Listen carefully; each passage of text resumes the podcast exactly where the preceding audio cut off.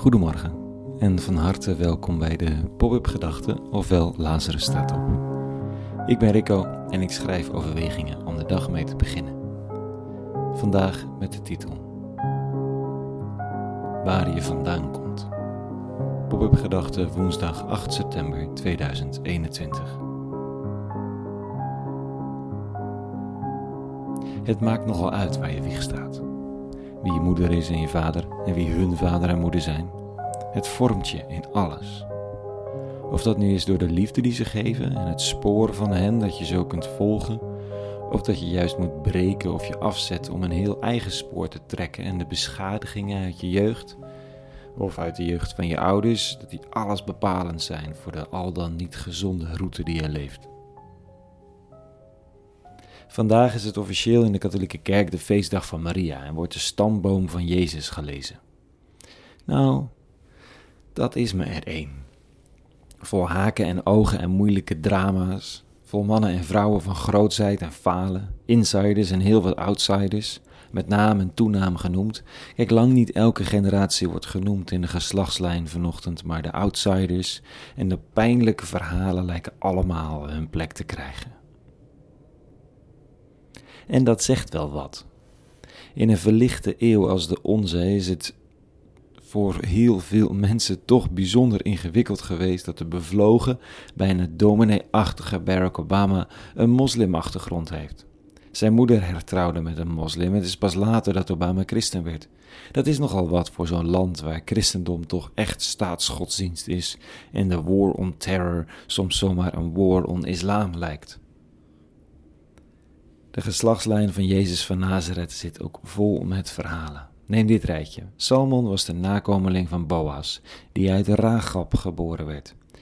Boas was de vader van Obed, geboren uit Rut. Obed was de vader van Izei en Izei van David de koning. David was de vader van Salomo, die geboren werd uit de vrouw van Uria.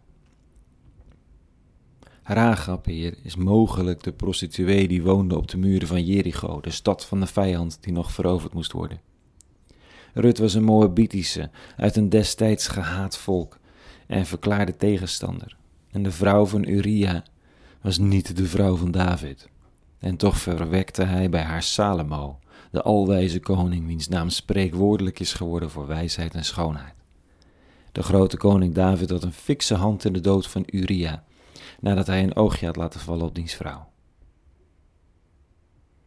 Kom je uit een moeilijke serie voorouders? Je bent niet de enige.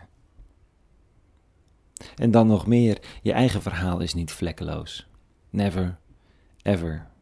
Wat je ook meegeeft aan de volgende generatie, het zit vol gaten en deuken. Of je dat nou doet als leraar, juf, oom, opa, tante. Jouw inbreng heeft impact. En wie een kind met een schone lei wil, kan eigenlijk niet meer met goed fatsoen zich met dat kind bemoeien. Want wat weten we eigenlijk van de trauma's en de drama's, de ongemakkelijkheden die we overdragen? Als we ons ervan bewust zijn, is het al heel wat. Dat oma met de trauma's uit de oorlog nooit over emoties praten, dat dit je moeder een fikse knauw heeft gekregen en jij daardoor ook nog steeds niet goed weet wat je met die oplaaiende of soms zo afwezige emoties aan moet. Ga je maar aanstaan met je nakomelingen. Of net zo goed met de kinderen in je klas of hoe je ook impact hebt op een volgende generatie. Jezus van Nazareth wordt geboren uit een vrouw, ongetrouwd, met een onverklaarbare zwangerschap. Zij, Maria, had het lef om te zeggen tegen de engel: Mij geschieden naar uw wil. Jozef had het lef om haar te trouwen en het kind op te voeden waar hij DNA-technisch niets mee van doen had. Het is een hobbelige weg, die van schoonheid en liefde. Veel gaten en deuken en scheuren en ongelukken. Het is niet anders. Dus dan maar weer de weg op vandaag. Die weg. Komen wat komt. Op hoop van en een beetje vertrouwen op. Zegen. Tot zover vanochtend. Een hele goede woensdag gewenst vandaag meer pop-up gedachten te vinden in je favoriete podcast app en op lazarusstatop.nl. Voor nu, vrede gewenst en alle goeds.